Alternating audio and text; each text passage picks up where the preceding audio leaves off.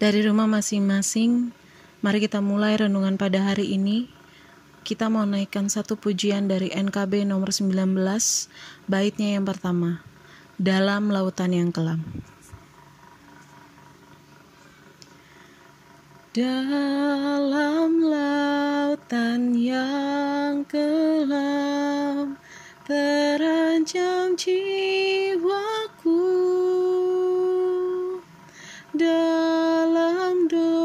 dosa tenggelam hilang harapanku. Tapi Tuhan terkenan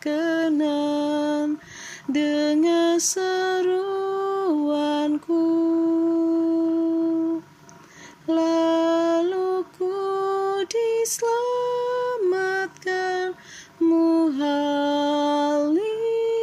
muhalisku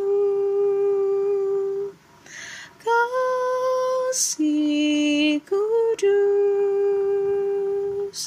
kasih kudus yang telah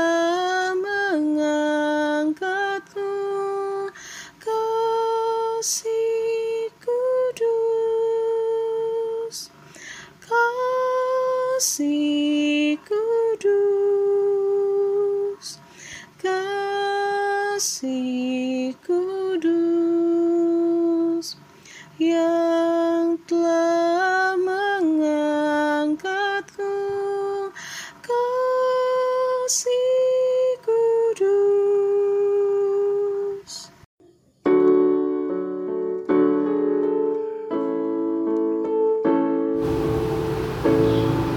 Jawab orang itu, Kasihilah Tuhan Allahmu dengan segenap hatimu dan dengan segenap jiwamu dan dengan segenap kekuatanmu dan dengan segenap akal budimu.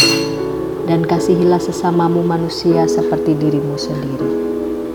Injil Lukas 10 ayat 27 Renungan pada hari ini diberi judul Toxic Relationship bagian pertama Apa itu hubungan yang toksik?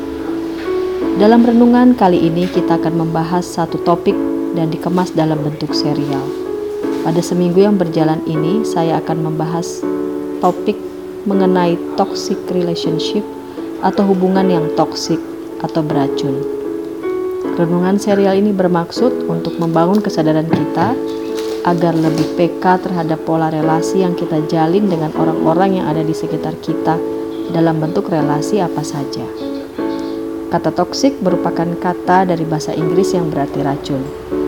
Kata ini juga dapat berarti mematikan, beracun, dan merusak.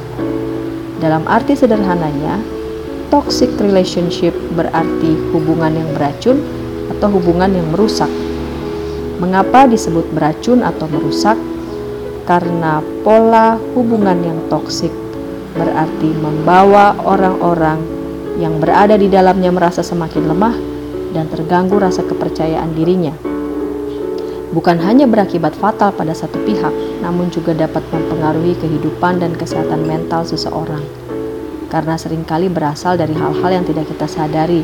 Misalnya, kita mencoba untuk mengontrol kehidupan seseorang dan tanpa kita sadari kita menunjukkan sikap menolak, menghina atau bahkan melakukan tindak kekerasan untuk mengubahnya menjadi sosok yang kita inginkan.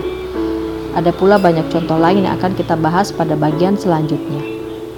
Bila kita mengaitkannya dengan dasar kita sebagai orang Kristen yang percaya kepada Allah yang adalah kasih, maka kita dituntut untuk mampu mengalami pertumbuhan dalam kasih. Bukan hanya itu, kasih Allah menjadi dasar bagi kita untuk mampu pulih dari luka-luka di masa lalu, memberi perlindungan dan membawa kita pada pembaruan diri. Kasih inilah yang juga seharusnya kita terapkan kepada sesama kita dalam bentuk relasi apa pun, keluarga maupun pergaulan.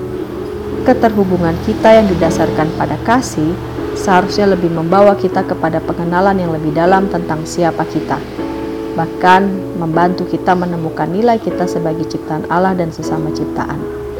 Karena ketika kita mampu untuk menemukan nilai dari keberadaan kita, maka kita pun akan lebih mampu untuk mengasihi sesama kita dengan menghargai mereka sebagai manusia. Sehingga kita pun dapat menjalin relasi yang sehat dalam hubungan kita dengan siapa saja.